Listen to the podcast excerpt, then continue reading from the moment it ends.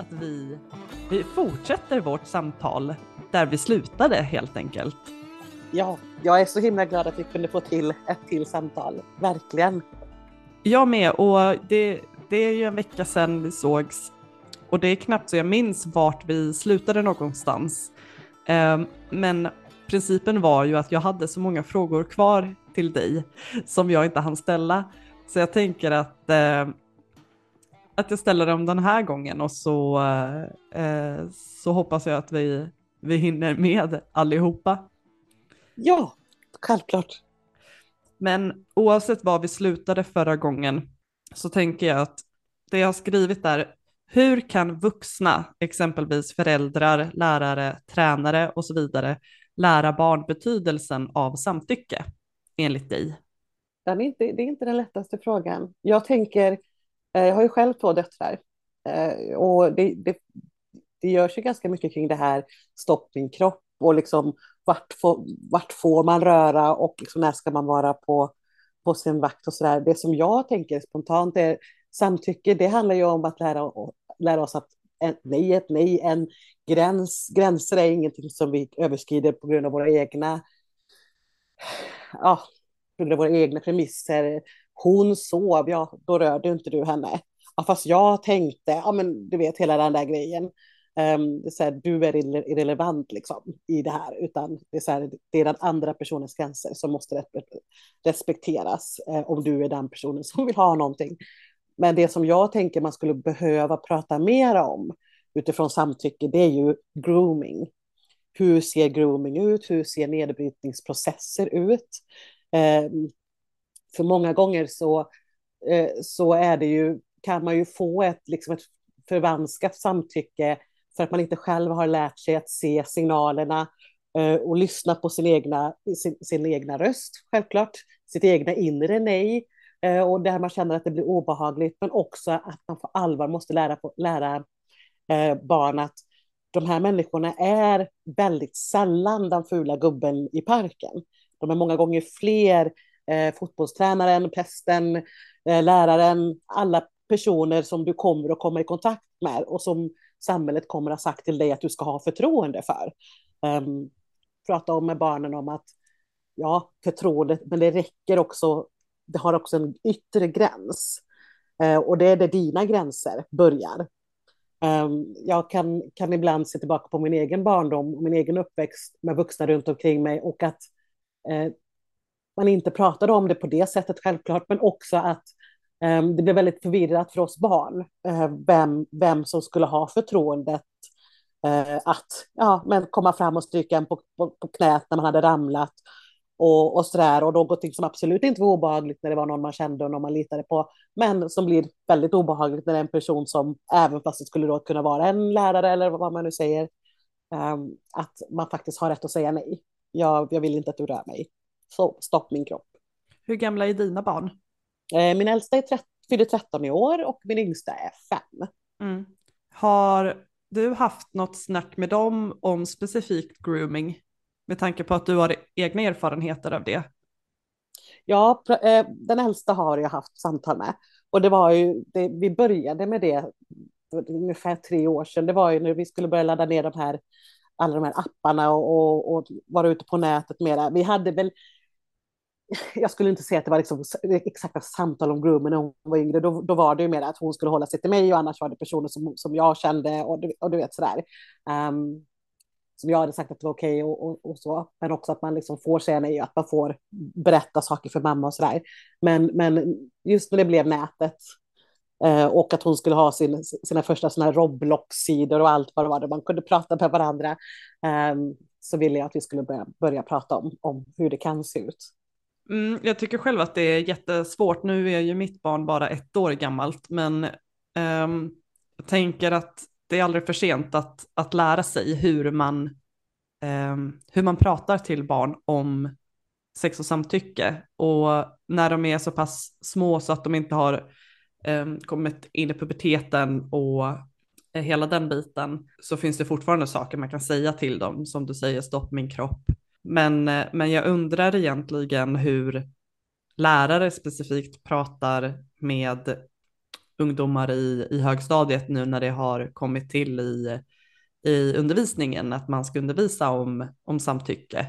Jag undrar om de ens själva vet vad de ska säga, för det är egentligen NO-lärare med, eh, alltså det som tidigare var mycket fokus på biologi svävar ju utanför det ämnet idag och ja, men, det här med eh, hedersrelaterat våld till exempel, hur ska, det ska också ingå i undervisningen. Det är nästan så jag tycker lite synd om dem för att trots att jag själv har varit med om grejer och nu undervisas av fantastiska gäster som dig själv så vet jag knappt vad jag själv hade sagt. Så jag undrar vad de säger till eleverna i, i skolan. Ja, jag håller med dig och jag undrar vad de, var de hämtar den kunskapen ifrån för att kunna gå ut och prata. För jag minns ju hur, nej men just när man haft det i, i, i skolan, eh, jag har ju gått på komvux i två vändor och så har man gått på gymnasiet och, och även högstadiet och det, och det är liksom när man har haft samtal om, om feminism. Eh, och undervisning om feminism, alltså hur en del saker absolut har stämt, men hur mycket har varit sådär så missuppfattat, så vanskligt liksom eh, tolkat.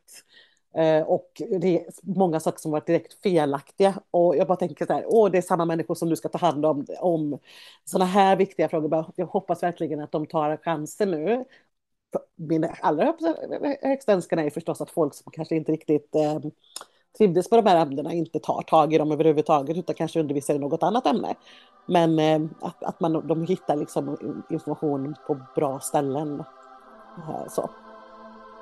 Det eh, hoppas jag också och jag ska se om jag kanske kan få till en gäst i framtiden som kan eh, svara på faktiskt hur det ser ut i verkligheten på skolorna. Vad är det de säger till eleverna? Vad är det de får lära sig?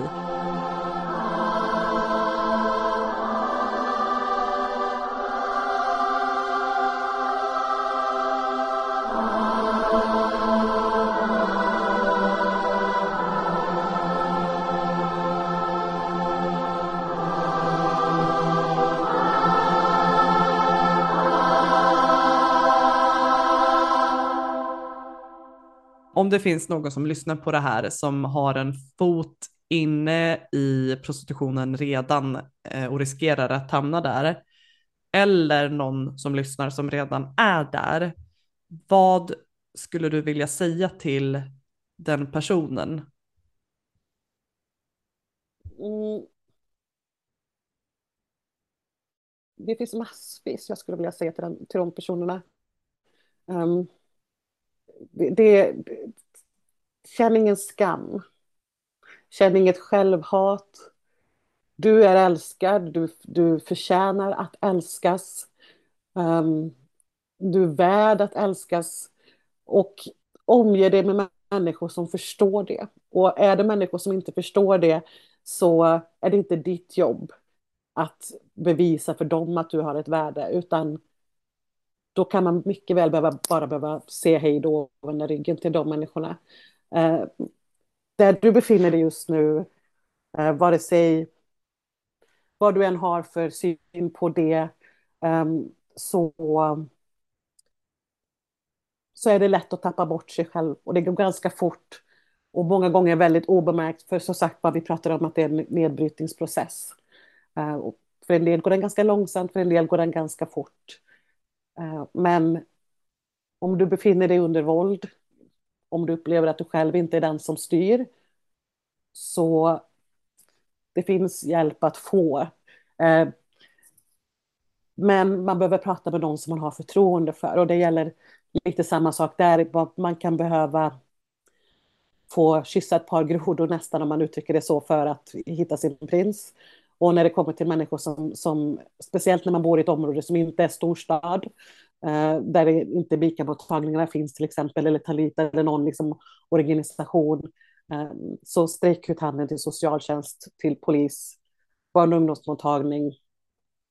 Är det så att du inte själv upplever att du befinner dig under något våld, men befinner dig i en situation där du inte vill vara, eh, så jag, jag, jag råder dig att göra samma sak det kan, det kan se så attraktivt ut. Vi är upplärda med att det, pengar är alltid the bottom line. Uh, vi har våra sugar dating sidor vi har våra online-sidor där um, fundera bara över vad det gör mot dig själv och inte bara i det korta loppet utan i det långa loppet. För att det som jag själv upplevt och Eh, många personer som jag har pratat med eh, som har lämnat prostitutionen, det är det att när man, när man befinner sig där så, så lär man sig att, att kroppen i sig kan köpas, att kroppen i sig har ett värde, men det är när man kommer på andra sidan som man inser att man har inte jobbat och fått någonting för att höja sitt eget självvärde utan att man sätter en prislapp på sig. Um, och det har varit en, också en nedbrytning av ens självkänsla. Man är ofta fylld med mycket ångest, rädslor, svårt att knyta an eh, till människorna runt omkring en. Eh, jag själv upplevde svårigheter med att amma till exempel. Eh, mina bröst var så hypersexualiserade och en del av mitt trauma. Ehm, så att det finns, det finns all anledning att fundera över, finns det någonting annat jag kan göra? Finns det någonstans jag kan sträcka ut? Och jag är väl medveten om att det finns verkligen situationer där man hamnar mellan stolarna och um, man får ingen hjälp överhuvudtaget där man befinner sig då. Um, sluta inte försöka.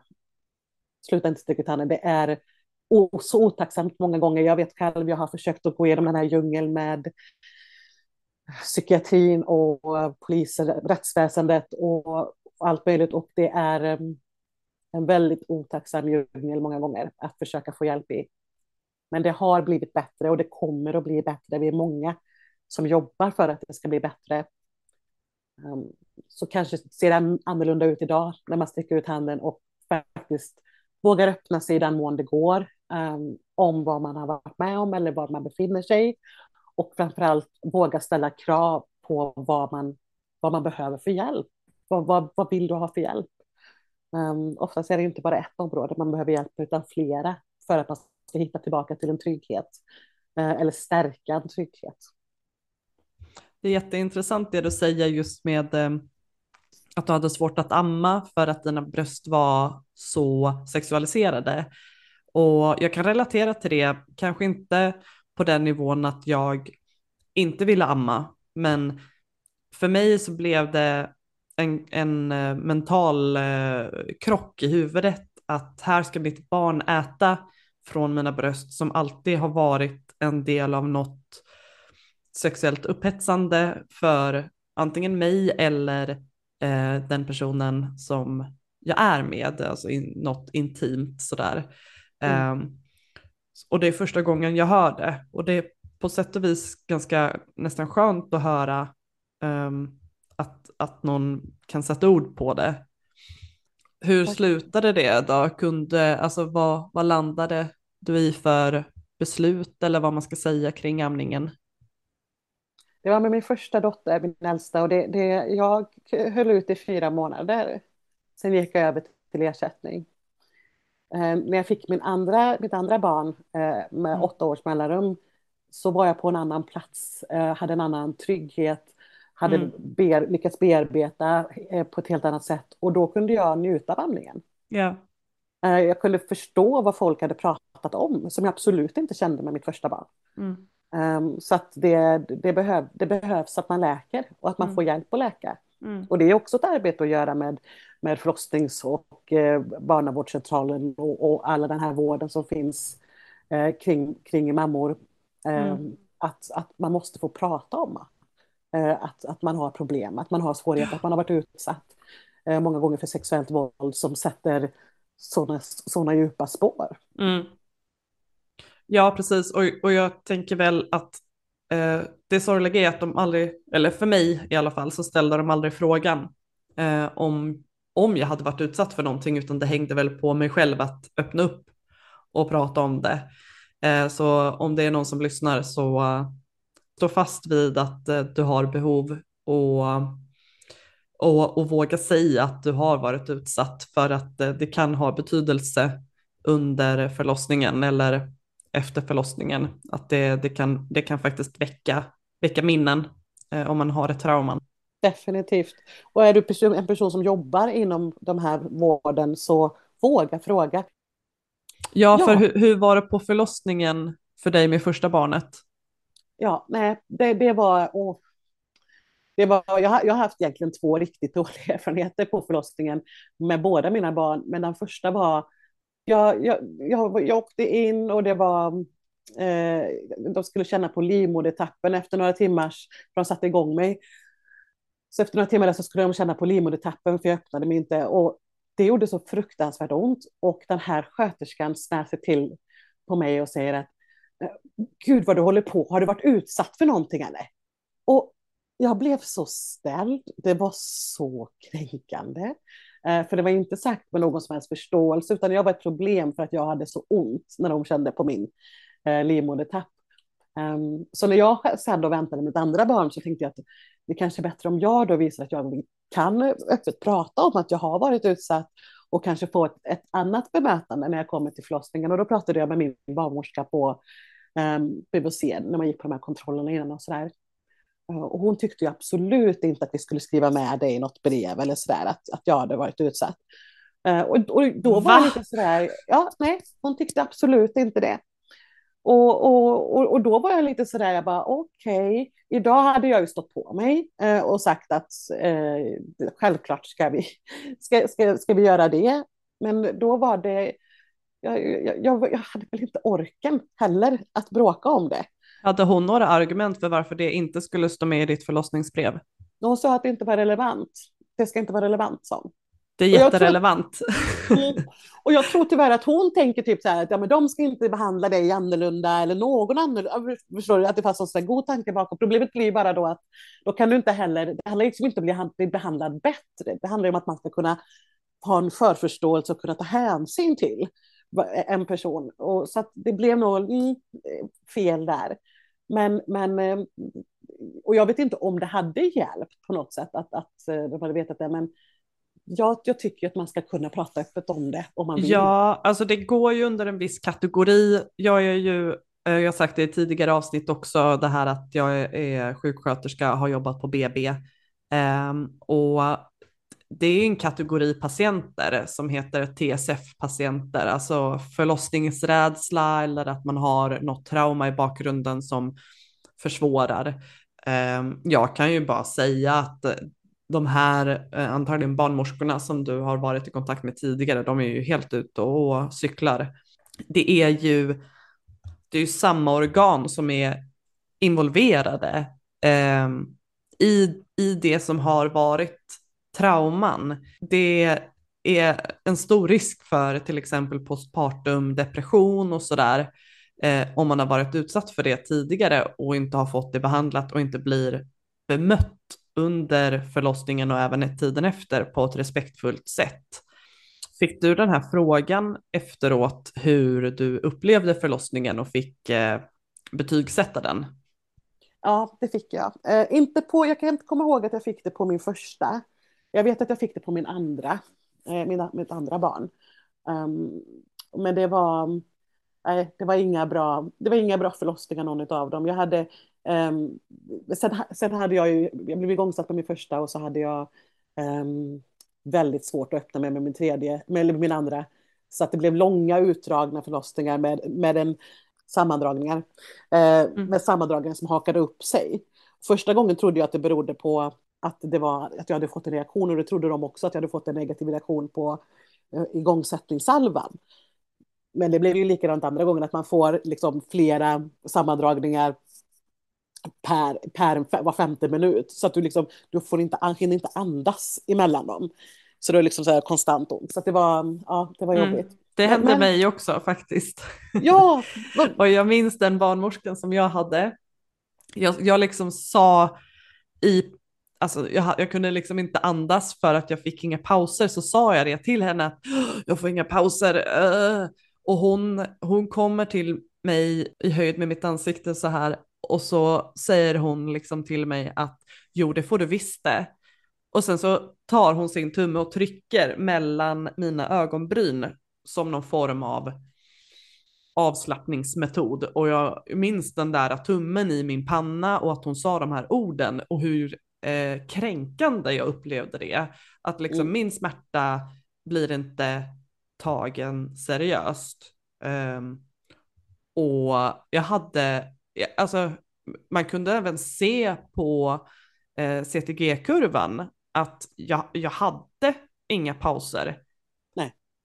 Eh, och det, det var så i åtta timmar och jag fick eh, epidural och den hjälpte inte heller, utan det, det var eh, en, en mardröm för mig nästan smärtmässigt. Mm. Eh, men jag blev också igångsatt så att kanske att det hade någonting med att göra. Um, jag tänker att jag var också väldigt stressad. Det brukar också vara en sån faktor som påverkar hur man upplever smärtan. Mm, mm. Men intressant ja. att vi har så liknande, alltså nu har inte de sagt en sån sak till mig att har du, har du varit med om övergrepp eller, men, men ändå att lite liknande upplevelser. Ja, att man blir nonchalerad för sin smärta eller, pro, eller, att man blir problematiserad snarare, att man blir problemet eh, för att man har ont. Men det låter ju också helt vansinnigt. Vad skulle den tummen göra? Var det någon sorts taktil massage då? Så här, det, för, det vet, det, för det vet jag att jag reagerade på det här eh, med när man skulle gå igenom vad man skulle kunna få för smärtlindring. Och jag dömer ingen, alla får göra vad de vill. Men när de börjar prata i termer om att ja, men de där kvaddlarna och jag bara, ja, men vad är det för någonting? Ja, men det är ju så att du får svinont på ett annat ställe. Så att du glömmer av. Och jag bara, nej men alltså sluta upp med det här medeltida tjafset. Kan jag få riktiga droger i så fall? För att alltså, jag vill ju ha någonting som tar bort smärta. Jag vill inte ha någonstans där jag har ont på något annat ställe. Då kan du lika gärna slå mig. Eh, men eh, det, det, det, och då var, det var nog en av de här riktiga första gångerna som jag fick den här sucken av att vi har liksom inte riktigt kommit så långt som jag hade hoppats när det kommer till synen på kvinnor, förlossning och svärta. Eh, utan det så här, vi ska ändå ha ont, men vi kan lika gärna ha ont på något annat ställe. Eh, men alltså nej tack. Mm. Jag tänker att det är så oerhört viktigt att respektera vad en kvinna önskar och hennes behov och man inte ser utifrån en grupp. Eh, forskning visar ju bland annat att eh, mörkhyades eh, eh, personers upplevelse av smärta underskattas i jämförelse med personer med vit hy. Och det är ju ett rasistiskt diskriminerande uttryck egentligen. Så jag undrar om du kan ha blivit påverkad det, alltså, jag tror ju det på grund av hur du ser ut. Mm, det tror jag ju med. Men jag har ju den värsta historien när det kommer till svarta kvinnor och hur de, deras smärta ignoreras. Min, en av mina närmsta vänner gick in och skulle få ett kejsarsnitt, eller det var inte planerat kejsarsnitt, utan det blev ett kejsarsnitt. Och eh, de, jag har inte riktigt förstått, hon har förklarat det för mig, de, de gav bedövning men bedövningen tog inte. Så hon blev alltså uppsprättad utan bedövning. Någonting som sjukhuset har erkänt. Eh, någonting som läkaren på plats bad om ursäkt för i efterhand. Men som hon skrek och så ont hon hade. Och fullkomligt bara ignorerad. Den, jag tror aldrig att jag hade kunnat eh, bli människa igen efter en sån upplevelse. Nu är hon ju som, som, det alltid måste vara, alltså på något sätt eh, hur fint eller hur, hur, hur det än är, men hon är så himla hon är så himla stark inför det, men jag märker att när hon pratar om det, att, att hon hade behövt prata med någon, och det har jag sagt också, jag tror att du behöver prata med någon om den ja. upplevelsen. Um, och du har rätt att prata med någon, och då är det liksom det här, ja ja, och så, och så ska man liksom bara gå vidare. Uh, så jäkla farligt, liksom, så här, det jag klarar mig. Mm. Men, men det, det, jag kan inte föreställa mig hur det är att bli ignorerad när någon sätter en kniv i en och man skriker. Mm. Och du vet, alltså fy, fy, för jag vet bara hur, och det här är ju en sån där sak som jag kan fortfarande känna eh, gör ont, det är när eh, efter allt det här, det var ju min sista förlossning nu, och, och de skulle sy, eller hon skulle sy mig. Um, så, och jag blev sydd första gången också, så att, um, så att jag vet liksom hur det ska kännas, eller man säger. Så, så då, då, fick jag ju en bedövning. Um, mm. av en bedövningsspray um, av henne, och den tog inte. Så jag känner liksom varje, varje eh, gång hon sticker in nålen och drar ut och det, och det är så här. Så jag sa till henne nu, nu du får sluta nu för det gör så fruktansvärt ont. Och eh, när jag kom på möte med sjukvård, jag var, för jag var väldigt besviken över hela min upplevelse, så när jag kom tillbaka och hade samtal med dem så hävdade hon bestämt att jag hade fått en spruta. Och jag, och jag sa det, jag fick ingen spruta, du sprayade med en spray. Um, och hon bara, jo, nej men ja, jag, jag vill minnas att jag gav dig en spruta. Um, så hon har ju liksom antecknat det, att, att jag minsann fick en spruta. Men jag, jag vet att inte jag fick en spruta. Jag, jag var ju inte borta, jag hade ju liksom inte förlorat blod och var liksom snurrig på något Gud. sätt eller sådär. Uh, men det är så märkligt förfarande bara. Uh, men, men, men. Ja, det hände faktiskt mig också. Jag, alltså. jag antar att du menar sydd av, i bristningarna. Ja, precis. Mm. Nej men det hände mig också och jag fick ju, jag fick avbryta dem flera gånger och säga att ni måste, ni måste ta mer, ni, det, det, här räcker liksom inte. Men det var, det, för mig var det värre än förlossningen, att bli sydd efteråt. Och just så här att det är, ännu en gång, det, det är samma område som har varit involverat i ett trauma. Man ligger i en gynställning, benen uppfläkta, man har ingen aning om vad de ser, vad de gör och det gör ont. Mm. Eh, aldrig känt mig så sårbar i hela mitt liv. Men de, det var inte som att jag fick ett otrevligt bemötande i samband med det. Det var inte som att, klarar du inte det här? Men, men bara det att det var, det gjorde så ont när de skulle sy och en smärta blev liksom inte riktigt tagen på allvar eh, så som jag hade önskat. Jag hade önskat att de bara typ, ja, jag vet inte. Alltså jag fick all bedövning som jag kunde få, men det räckte ändå inte. Eh, så att det, det var superobehagligt för mig. Men jag undrar, vad, vad, vad fick du? Fick du både sprayen och sprutorna? Och, ja, och det finns ju någonting som heter pudendusblockad. Um, jag kan inte allting om det, men det är ju att man med en, med en nål injicerar um, det som bedövar området i, i musklerna som i, ja, man ska sy då. Eh, om, om man har brustit så pass mycket. Ibland så är det ju bara Eh, slemhinnan eh, och då behöver man oftast inte sy lika mycket. Sen så fick jag, eh, det finns någonting som heter xylokaingel, det är också bedövande men inte så kraftfullt. Sen så vet jag att de sprayar också. Man kan i vissa fall ha en eh, epidural enbart för bedövning, men det, vad jag vet så används inte det sådär jättemycket om det inte har blivit en väldigt allvarlig bristning, alltså en grad 3 eller 4 då även eh, svinkten är skadad, alltså så ringmuskeln. Mm, just att i Haparanda sprickning liksom. Ja, men om min erfarenhet på BB så är det faktiskt inte så mycket bristningen i sig som avgör hur ont man har eh, eller hur problematiskt man upplever det efter en förlossning eh, och efter att man har blivit sydd utan att det är högst individuellt att en engradsbristning kan göra jätteont om man till exempel har använt en, en sugklocka låt oss säga. För då har man ju forcerat på ett annat sätt. En, jag fick en grad tvåa uh, och det är ju, involverar ju muskulaturen lite grann.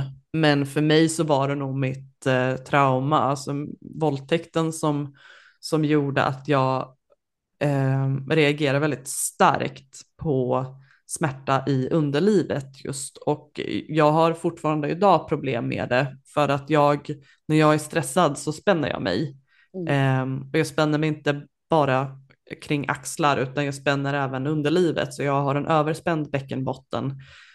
Um, och det tror jag är väldigt kopplat till um, den gången då de sydde och det gjorde så fruktansvärt ont och trauman, sexuell trauman man måste verkligen ta det individ till individ. Eh, och i, som rutin är det ju att man bara gör en, en kontroll av dem som har fått en grad 3 eller 4 innan de åker hem på BB. Man gör inte det med grad 2 om det inte är enorma komplikationer. Och det är det sällan där. Det, det mm. kan komma långt senare istället. Ja, ja visst. Jag tror, jag tror inte att jag hade någon över grad två, eh, så för jag blev inte kallad på någon efterkontroll, utan det var en sprack, sprack mm. liksom lite upp på varje förlossning. Men det är, det är så viktigt att de, de har den förförståelsen mm. för, för vad den smärtan kan ställa till för. Och just, eh, jag vet när de ringde från försäkringsbolaget och, och skulle fråga sig, bara, gick det bra? Eh, på eh, förlossningen eller nu hur hon uttryckte sig och jag bara nej, det gick faktiskt verkligen inte alls bra. Jag har gråtit oavbrutet sedan jag fick min dotter.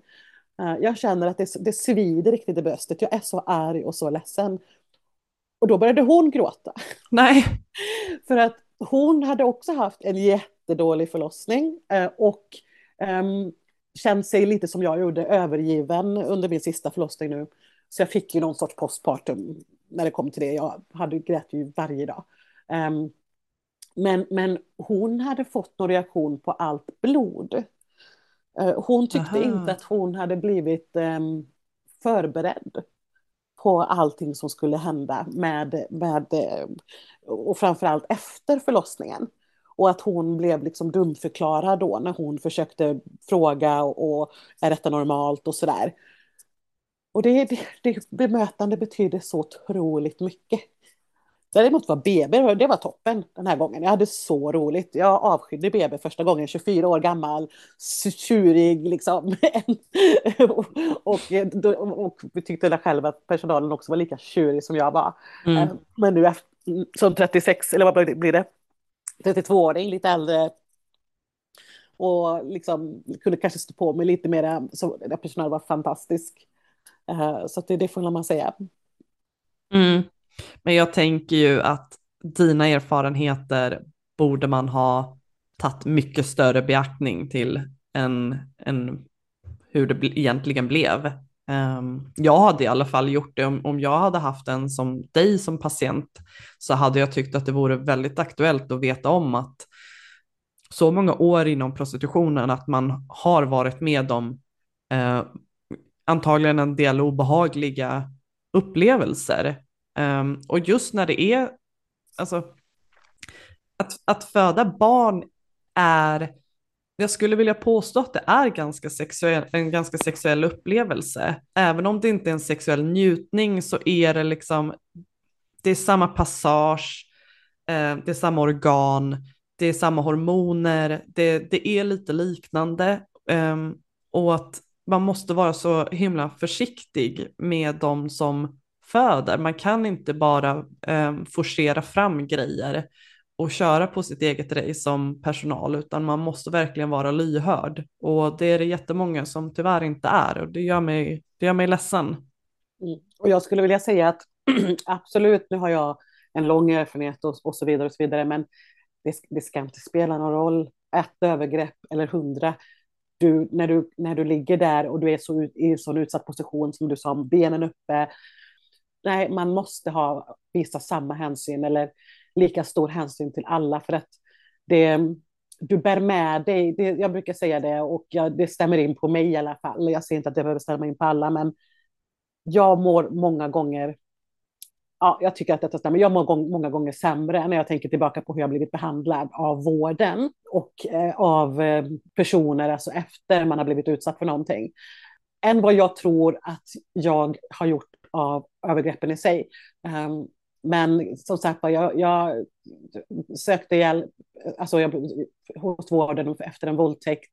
Uh, och detta är några år sedan nu. Och, um, jag, nu, nu, nu har jag aldrig fått det bemötandet efter detta, men från det att jag kommer in med och polisen liksom släpper av mig på, på, på vården tills dess att jag står och skriker liksom uppe på gyn i Borås några veckor senare, alltså får ett fullkomligt utbrott. Um, för då har man liksom, det började med när jag kom in på sjukhuset, uh, att uh, jag uh, fick frågan, vart, vart är, vart är rape-kittet? Vad, vad sa du? Vad sa du precis? Vart? Rape-kittet. Och det är spårsökningskit, säger vi numera. Men då sa man rape-kit. och jag sa, ja, jag vet inte. Har du inte med det? Gav inte polisen dig något? Och jag bara, nej, jag har, nej, jag har inte fått någonting.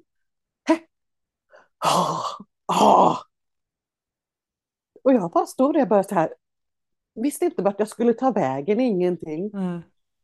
Um, jag fick en, en, vad jag upplever som en ganska horribel undersökning av en kvinna som, alltså, och det, det kunde jag känna då, jag var inte, det, det märktes att hon inte tyckte att, att kanske att, hon kanske inte tyckte att jag var trovärdig, eller också tyckte hon att jag kanske fick skylla mig själv. Uh, men det var också en sån fränt mottagande av mig.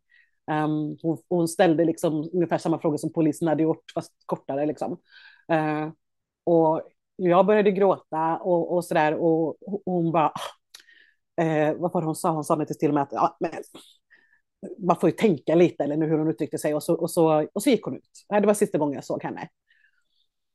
Men, och sen tills det att jag skulle komma tillbaka och få um, um, om det var andra sprutan eller om det var första, måste varit andra sprutan Ehm, på gyn och få en undersökning, uh, så hörde de först av sig på morgonen och förklarade att det fanns ingen att hon som jag skulle få var sjuk, uh, men, men de skulle självklart liksom se till så att jag fick, skulle få en kvinna eh, på den här undersökningen. Och jag var så här, okej, okay, ja, men jag kände ju inte den här personen som skulle undersöka mig första gången ändå, så att jag, det spelar ingen roll om de byter ut henne mot någon annan.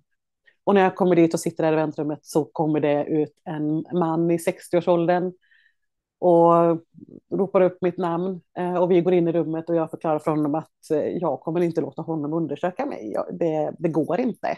Nej. Eh, och att det har blivit fel här och förklara liksom. Och han bad så mycket om ursäkt och sa liksom att han inte fått information om vad det här har gällt, men att hon får titta på en tid då, ny tid till mig. Och då fick jag en tid som låg en och en halv timme bort ungefär. Så jag satt och väntade.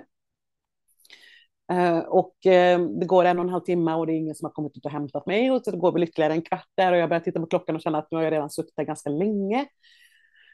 Uh, så att, men det borde, de borde komma snart. och då kommer det, det är liksom öppet om du tänker dig att vi sitter som en U-formation ut mot en korridor mm. i väntrummet. och då kommer det en läkare och säger jag har, fått, jag har fått en patient här som skulle ha en tid och då är det ju den tiden jag skulle ha. Um, och, jag, vad hon sa, jag kommer inte ihåg ord för ord, men det var något i stil med liksom, hon pratade med en sköterska där och sa, jag, jag fattar inte, hon bara, nej men hon, eh, och så började de prata där och liksom, ah, hon, hon ska komma dit och bla bla bla, hon ska bli undersökt. Och då så, så, så, så, säger jag så här, för att jag sitter liksom precis vid dem. Mm, de pratar um, över ditt huvud. Ja, precis. Mm. Så att jag sitter liksom väldigt mycket inom höravstånd och sydavstånd. Uh, så då säger jag, det kanske är mig ni menar. Uh, det var jag som skulle ha den tiden. Och de tittar på mig, mm. tittar på varandra och sen backar de bakom hörnet. Inte typ, ett, jag, säga, jag hade kunnat ta ett finger upp och typ så här bara, ah, ja men eh, vi kommer snart. Eller liksom, du vet, ja, vänta lite, vi ska bara liksom så här prata färdigt. Jag hade kunnat ta det. Eh, men men då, då, då, då brast det, det sista liksom i mig och jag ja. skrek. Jag, jag skriker inte annars. Eh, jag kan absolut tjafsa om jag, om jag är på fel humör och sådär. Men jag skrek, jag bara, vad är det här för skämt? Jag har blivit våldtagen. Eh, och ni behandlar mig som skit på det här stället. Ja. Som att jag inte är människa. Och, du vet, och då sprang ju hon, den här sjuksköterskan, ut och var så här bara, oj, ja, du tycker att vi har gjort fel? Och jag bara, vad tycker Och du vet, började bara räkna upp allting som hade gått fel. Och det var också, alltså efter att ha blivit våldtagen igen, um, efter att ha liksom försökt att få hjälp och, och liksom lyssna på igen och, och, och få möta det här horribla bemötandet i vården. Så det fanns inte mycket av mig kvar där jag satt i, i det här väntrummet. Mm. Um, jag brukar inte reagera så på varje oförrätt som görs på, mot mig, om man säger så, utan det här var ja, extraordinärt korkat av dem faktiskt, skulle jag vilja säga, att, att, inte, att man upprepar fel mot en och samma människa och tror att man inte ska kunna få någon reaktion av det. Och reaktionen blev ju som sagt bara squeeze, squeeze, squeeze, bitskrik. Um, ehm, och att eh, jag fick sitta sen med läkaren som var jätteledsen och var så här, åh nej men vi behöver verkligen om ursäkt och det är, inte, det är aldrig så att vi vill att man ska känna så och bla bla bla. bla. Så här, jag bara, nej. Mm. Men det, De är det, nog inte så vana vid att patienter klarar av att säga ifrån. Jag tycker bara att det är så jävla sorgligt att det ska behöva gå så långt. Ja, jo, jo men det är sorgligt. Nu var detta, ska jag säga, nästan, ja det blir ju åtta år sedan.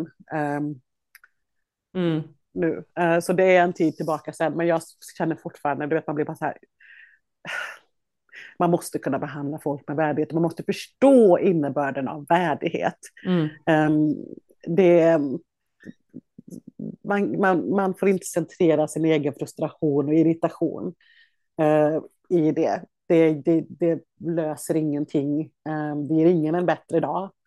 Um, jag, jag, förstår att, att de liksom hade bråttom och var um, ehm, hade mycket att tänka på, men det här handlar också om min frustration när jag skrek, det handlar också om, om rutiner som brister. Något så ja, kopiöst um, när det kommer till fall som jag anser vara mer behov kanske än när man bara ska upp och, och fixa p-piller eller alltså så, utan att, att så här, det måste finnas Eh, en förståelse. Så när man gör en överlämning på morgonen eller jag vet inte riktigt, jag har aldrig varit med om något, eh, hur det går till, men lämnar över ett ärende så kan man se det här är liksom en person som har blivit utsatt för våldtäkt.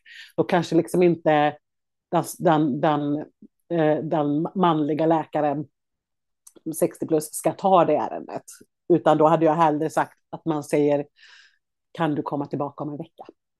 Kan du, kan, mm. alltså, eller kan du komma om en vecka istället? Någonting. Mm. Um, det, det, ja, men det här, var det här för att säkra spår? För just det här att om man ska komma tillbaka om en vecka? Nej, att... nej, det här var inte för att säkra spår. Det, okay. det var det första jag berättade det här med hon som uppenbarligen tyckte man kunde bli arg på mig för att inte jag hade med mig ett spårsökningskit. Uh, så det här var några veckor senare när det var, och det, om det är hepatit AB som man behöver ta två gånger eller nu hur det, kanske du vet, men jag skulle få en spruta jag fick en spruta på, på när jag kom dit och, och, och undersöktes och sen så skulle jag få mm. den andra sprutan om det var två veckor senare. Okay. jag tror det var hepatit AB. Ja. Som de skulle gå och ge uppföljningsspruta. Ja, okej. Okay.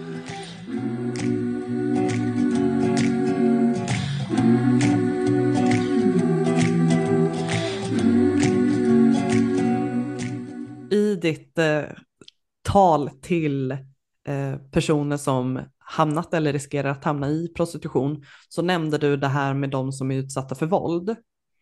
Yeah. Och det väckte en tanke i mig när du sa det och det är ju om man är även våldsutsatt, vilket jag tänker ofta kan hänga ihop med att man säljer sig eller blir såld. Ska man konfrontera den som utsätter den? Av det jag har fått lära mig på på utbildningen är att liksom de kvinnor som har sagt till sina män som de oftast är i en relation med att nu ska jag lämna dig. Det är oftast då de blir eh, dödade. Mm. Eh, men jag tänker i den här situationen, hur ska man göra för att komma ur det på lättast och säkrast sätt? Du nämnde socialtjänsten och polisen och sådär, men är det bättre att bara försvinna och gå under jord eller eh, ska man säga till innan att nu, nu har jag gjort så här, nu drar jag eh, och jag kommer polisanmäla dig eller något? Eh, ja, det, det, är en jättebra fråga. Jag, jag, eh, jag, ska svara på den så gott jag kan. Nu, nu, ska man vara medveten om att jag har inte varit med om alla dessa scenarion, eh, men, men eh, jag har varit med om en hel del eh, scenarion ändå. Um, jag eh, kan inte nog understryka ur min egen åsikt, min egen eh, erfarenhet, du ska alltid placera dig själv på ett säkert ställe bort från personen som du, du har blivit begången våld av eller som begår våld mot dig. Eh, oavsett om det är en torsk eller om det är din hallick eller om det är din pojkvän. Det finns någonting som hänger kvar i, både i hederskulturen men också i 90-talets, den nya tekniken. Du, det är fegt att göra slut med någon per sms. Eh, du vet, man ska alltid mötas, personen kommer alltid liksom ha rätt till att, att du sitter ner och pratar. Glöm det. När det kommer till våld så gäller inte de reglerna du har ingen skyldighet att berätta att du lämnar. Eh, om vi tar en torsk, eh, torsksituation, så eh, jag, nej, jag, tar, jag väntar med torsksituationen, för den är så pass speciell. Eh, för att då befinner sig ofta personen redan hos dig när det begås våld. Medan till exempel en hallick behöver ju inte, det kan du ju eh, distansera dig. För att han behöver inte vara på samma plats. Um, är det, men våldet innebär ju också att han kan nå dig på ett sätt, som ser en hallick eller en sambo. Eh, och det är där jag säger, alltså absolut, gå, gå under jorden, men du förlorar så mycket. Du kan förlora ditt jobb, din bostad, eh, det, det, och även att leva gömd, alltså vilket otroligt liv eh, av utsatthet och ekonomisk utsatthet och, och finns det barn inblandat. Så att, så att eh, det, det, är så här, det, det, är alltid värt det för att komma undan våldet. Men är det så att, att man, man lyckas genom att man faktiskt kontaktar polisen och socialtjänsten eh, och att, att de kan vägleda in i trygghet och framför allt få bort personen som begår våld, gripa, eh, processa och, och sen till slut å, åtala och så vidare. Um, så, så, så gör det. Det är um, jag, har, jag har absolut mött mina rötägg hos, hos polisen. Men jag måste säga att överhängande, alltså över, liksom, eller övergripande, så har det varit positiv, positiv erfarenhet från mig eh, att ha kontakt med polisen. Det har varit dåligt också, men det har faktiskt varit väldigt många positiva. Eh, de har haft väldigt bra ögon och väldigt bra koll. Um, sen, sen som sagt så kan man ju, mm, finns det alltid lällar som inte ska ha, handha de här ärendena överhuvudtaget. Det, det kommer man inte ifrån. Um, så det blir en kamp där också många gånger. Men, men, um, uh, men om det så är så att du befinner dig på en plats och du känner att jag, jag vågar inte anmäla. Det, det kan göra att personen blir ännu farligare. Um, jag, jag, jag, jag går under jorden, jag, jag flyttar, eller jag, jag bor tillfälligt hos en kompis jag vill kontakt, kontakta en organisation som till exempel eh, har huserar med boende och sådär som Talita. Det så här, du ser till vad, vad, vad, du tror att du kommer att behöva. Du vet, du känner din förövare. Sen är det alldeles lätt att se exakt vad personen kommer att, kunna, kommer att göra. Eh, men, men eh, så att absolut, men sätt det inte i samma rum överhuvudtaget när det kommer till torsken så sitter du oftast många gånger, det här är kunden, köparen, du kan kalla dem för vad som helst, då sitter du oftast tyvärr i, i situationen att du har personen, antingen att du är hemma hos personen, eller att personen är hemma hos dig, eller att man är i ett hotellrum. Eller motsvarande. Jag har, gjorde själv lite reklam för en peppars, liknande pepparspray, försvarsspray. Eh, och, men där var jag också väldigt tydlig med att förklara att om du inte tror att du kommer komma ifrån med hjälp av ditt försvar, så, så kan det bli tusen gånger värre. Det... om, man, om man använder pepparsprayen, eller vad blir tusen gånger värre? Ja, precis. Om jag använder en pepparspray eller en försvarsspray som det heter eh, och eh, han gnuggar sig i ögonen och sen ger mig en höger och kanske inte slutar slå. Alltså, då har jag inte lyckats ta mig därifrån, eh, från det här våldet. Mm -hmm, utan okay. jag har egentligen bara retat upp honom. Ja. Eh, det, är den, det, alltså det, det är den krassaste verkligheten. Det viktigaste som jag har, eh, jag har haft torskar som, eh, som, har blivit, som har blivit våldsamma, eh, inte för att jag har haft någon strategi, kanske så. Jag har inte gömt knivar, jag har inte gömt någonting så. För att det blir ett vapen i mina händer som ganska snabbt blir ett vapen i hans händer. Om han lyckas ta avväpna mig. Um, så den tanken har jag haft, att jag ska inte ha något vasst eh, kring, kring, min säng. Jag, eh, jag blir väldigt eh, ehm, försöker, alltså så här, det här är inte något råd jag ger till andra, jag bara förklarar hur jag, hur jag har gjort. Mm. Målet är att få ut personen. Kommer jag inte åt och kan larma efter hjälp, eh, vilket jag aldrig har gjort, ska jag säga, helt ärligt. Jag har aldrig kommit åt att larva. För du ska gå förbi en person som är våldsam mot dig, du ska kunna krälla ur ett grepp så du redan nu inte kommer ur. Um, så är, alltså, håll dig lugn. Se till så att personen går. Um, jag skulle säga, och jag vet att det låter hemskt i mångas öron när man säger det, men om det är en strid du inte kan vinna så, så, så, så får du förlora den för att vinna ett större slag och det är att du får behålla ditt liv. Eller att du får vara i någorlunda, alltså att, att inte du fysiskt kommer att skadas mer eller psykiskt. Um, målet är att personen ska gå, låta den gå. Men har det hänt att du har befunnit dig i situationer där du har varit rädd för att någon ska slå ihjäl dig bland, ja. alltså just av en, en torsk då? Ja, jag kan berätta om en situation. Um, jag var jobbade på en, och jag säger jobba med såna här, eh, för att jag ser positionen inte ett jobb, men jag var på en bordell i Köpenhamn och det hade gått ganska dåligt och det var ganska segt. Jag hade uppemot tre skift i veckan på den här bordellen, 12 timmar. Och, jag, ehm, och det var sagt att man, man får, alltså, när du väl sitter på bordellen så ska du ta emot kunderna som kommer till bordellen. Men alla tjejer gjorde det, alltså, här, om, om det ringde in någon i slutet av skiftet så kunde man åka och ta liksom vad det kallas för en out call. Um, så jag hade haft ett ganska pissigt skift, inte så många eh, kunder, så att jag, jag, eh, hon som hade hand om telefonen sa till mig att det ringt en person, eh, de, eller han kan skicka en taxi eh, och så betalar han den om du kommer till den här adressen. Eh, och, och, och jag var så här, bara, nej men helt okej. Okay. Så jag satt i bilen och åkte ut till det här området och det var ganska långt kört, så det var liksom en sån här lite förortsområde om du tänker dig lite villor och lite sådana här eh, saker, grejer. Och eh, har liksom med mig alla väskor för jag ska åka hem till Sverige sen. Och jag kommer in och det öppnar en kille, han är liksom, eller en man, han är en ganska snygg, lite så här, eh, ja, om jag tänker det, skjorta och finbyxor, nisse liksom. Så jag ställer ner mina väskor och vi hälsar på varandra och så där och så går vi in i vardagsrummet och där sitter en kompis till honom och jag liksom så här liksom svänger runt och bara försöker liksom så här, nej men så här, vi har bara beställt en. Eller sagt att det sitter en person här. Mm. Så det är inte två, och jag får en sån smäll i ansiktet. Um, och jag kan än idag inte säga om det var öppen hand eller, eller, eller knytnäve. Allt jag vet är att det gjorde fruktansvärt ont och att jag tuppade av.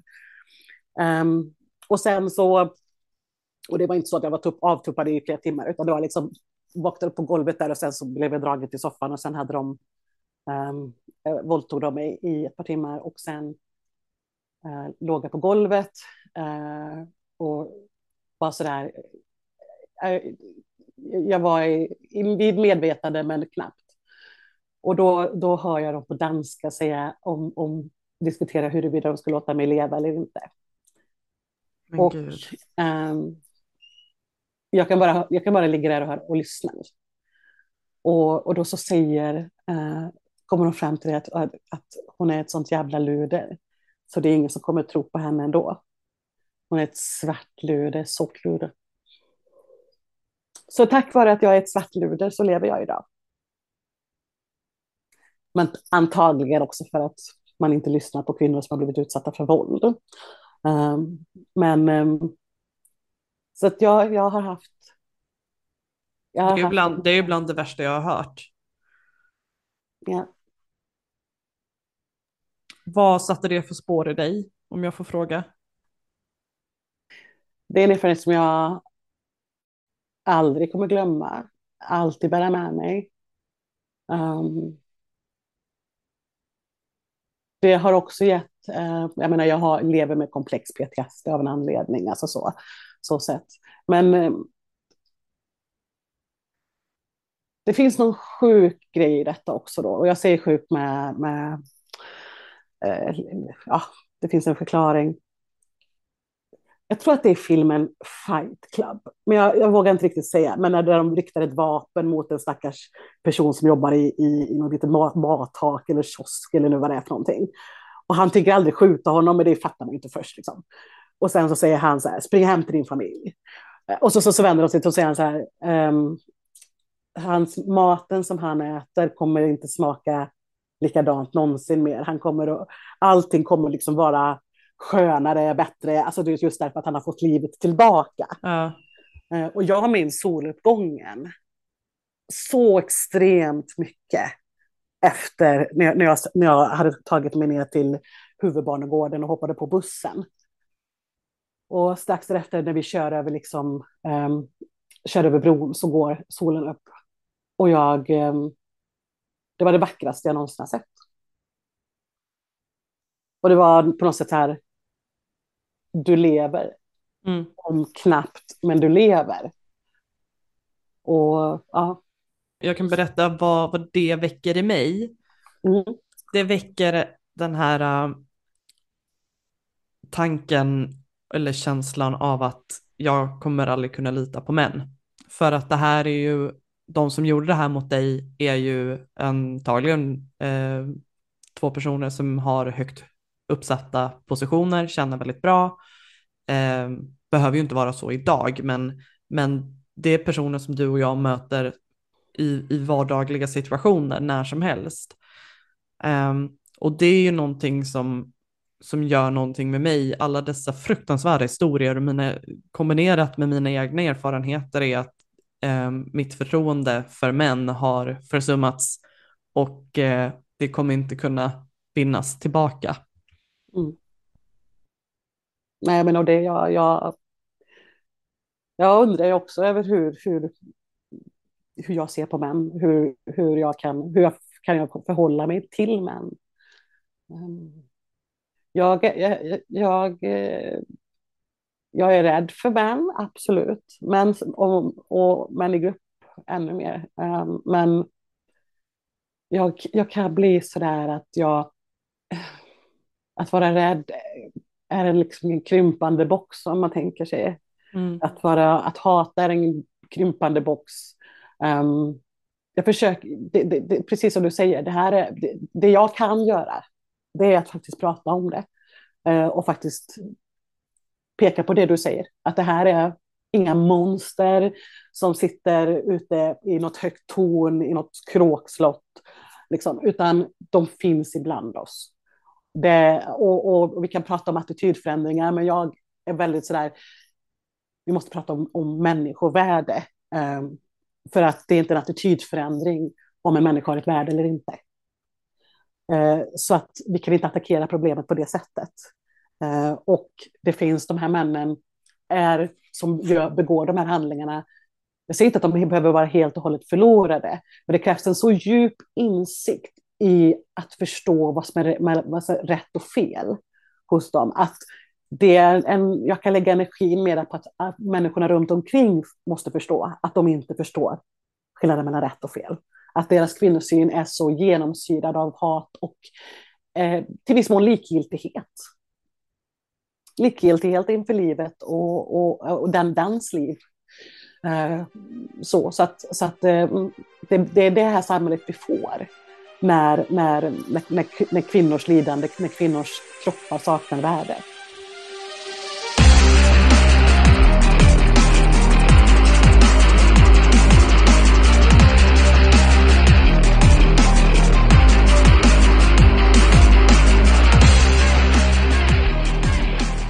Fan vad mycket bra material vi, vi får ihop. Ja, ja det här är jag, jag, bästa samtalet tror jag någonsin på i en podd. jag, jag tänker på den sista frågan. Är, hur mår du idag? Eh, och vilka erfarenheter har stärkt dig och vilka erfarenheter har försvårat livet för dig? Eh, ja, ja, idag lever jag med komplex PTSD. Det är PTSD som inte går över eh, eller inte går över så lätt. Om man tänker, lätt är det aldrig med traumabehandling, men man räknar ju ändå med att vanlig PTSD där du har råkat ut för en, en bilolycka eller har ett trauma och motsvarande, um, ska du kunna liksom behandla, ska kunna gå och behandla bort, medan komplex PTSD är inte säkert att man lyckas behandla bort det trauma som har pågått över lång tid och så vidare och flera olika trauman. uh, nej, jag, jag, jag vill säga att jag mår bättre än vad jag trodde att jag skulle göra. Ehm, tyvärr kan jag, inte, kan jag inte acklimera det till vården. Jag har eh, påbörjat en traumabehandling för några år sedan, avbröt den. Ehm, det var ingen anpassad traumabehandling för komplex PTSD. Det var, eh, man fick välja ett trauma och, som man skulle bearbeta och, och, och sen fick det liksom vara bra. Och då kände jag att det, det här funkar inte. Ehm, men, men jag har varit väldigt bestämd i mig själv. Även fast jag är den mest, som sagt orkeslösa, vidriga människan eh, som jag känner och eh, så här, att jag vill ha verktyg för att kunna fungera och, och ändå känna själv att jag lever så nära nog ett, ett normalt liv som möjligt. Sen kan jag inte styra över PTSD eh, och jag kan inte styra över depressioner som kommer och sådär. Men det jag kan styra över det är liksom verktyg att hantera. Eh, och det, det, det, det, det gör jag genom att man försöker bilda sig själv så mycket som möjligt. Och jag vill passa på att säga att eh, det finns en app som heter PTSD-coachen. Gratis. Den är tyvärr bara på engelska fortfarande. Jag hoppas att den kommer komma på svenska. Eh, att det är någon som kommer sätta sig och översätta den. Men eh, den kan man använda. Och tänk bara på att du har, det finns verktyg där ute att använda. Och det finns verktyg, alltså som till exempel många gånger fredagar när stressen ska liksom, du vet, släppa, samtidigt som den blir ännu högre för nu är det helg. Eh, och barnen vill in på McDonalds och det är så här, du har rätt att säga nej. Blinkande lampor, eh, höga ljud, eh, det piper lite överallt. Eh, du vet, det sprutar svett av mig. Ja. Eh, och eh, nu har det blivit bättre, men, men eh, det är också att jag köper hämtmat istället. Jag går inte ut så här, men, men, man får göra saker, man får också så här acceptera att allt klarar jag inte av att göra. Eh, och eh, just nu i alla fall, och kanske aldrig någonsin. Men, men, men tappa inte hoppet om att du kommer må bättre kanske, och vem vet vad det innebär att må riktigt bra. Jag, jag blir liksom där ibland att jag vet att jag mår dåligt, jag vet att jag kämpar med mina depressioner och att jag kämpar med min rädsla och mitt, min hypervigilans och, och allt sånt där och mina flashbacks och luktflashbacks är ju helt fantastiska när det är lukten som sätter igång eller hörsel. Men det låter jättejobbigt. Ja, det kan, det kan vara jobbigt, men, men, det är inte jobbigt jämt. Och de där stunderna där det inte är jobbigt, där, där, där man liksom inte känner av det så här, då, då firar jag liksom. Lite så, så här, då unnar jag mig och eh, liksom verkligen aha, försöker samla energi för att klara av nästa storm. Mm. Det låter som att du har möjlighet att kunna njuta mer i vissa stunder på grund av att du lider så grovt i andra. Mm. Ja, men det, ja, jag förstår vad du menar. Jo, men jag tror att det är så. Jag tror att, och sen är det inte alltid man lyckas, men, men att jag försöker i alla fall. Alltså jag försöker ta vara på de eh, stunderna och inte vi pratar mycket om förlåtelse när det kommer till offer och, och förövare och sådär. Och jag, jag är väldigt sådär att jag har inte, jag behöver faktiskt inte förlåta förövare eh, överhuvudtaget. Men jag måste förlåta mig själv. Och eh, det, det, har jag jobbat mycket på. Att hitta en förlåtelse för mig själv. Får jag fråga varför du känner ett behov av att förlåta dig själv? Jag har spenderat så många år med att skamlägga mig själv, skuldbelägga mig själv, um, uh, mäta mig mot andra och, och, och, bara se mina egna tillkortakommanden. Um, dra ner min egen självkänsla till botten. Inte bara låta andra göra det, utan även göra det själv. Um, och jag uh, insåg att där fanns det förlåtelse att hämta. Alltså jag, jag, där fanns det um, det fanns ju händelser som jag inte kunde tänka på, tillåta mig själv att tänka på för att jag var så dum. Um, jag går på allting. Jag är så lättlurad. Um, och, och. Och, och, och det gjorde nästan fysiskt ont. Um, och, och, och, vara jag, liksom, när jag tänkte på de här sakerna. Och att folk skrattar åt mig och att jag liksom så här, riktigt hemska negativa eh, tankar. Och det är så här, jag, jag och ingen jag känner kommer någonsin vara älskade, omtyckta av alla, så enkelt är det. Men när det kommer till att blivit utsatt, um, så måste jag förlåta mig själv. Det är inte mitt fel. Jag har, in, jag har inte äh, äggat på, jag har inte... Det, så här, det, det, var inte upp till mig att fatta rätt beslut när han redan hade fattat fel beslut. Nej, precis. Och jag kan relatera till det, eh, väldigt mycket av det du säger. Eh, att man skuldbelägger sig själv för, för saker som man egentligen inte borde skuldbelägga sig för. Men att det är ändå en del i processen.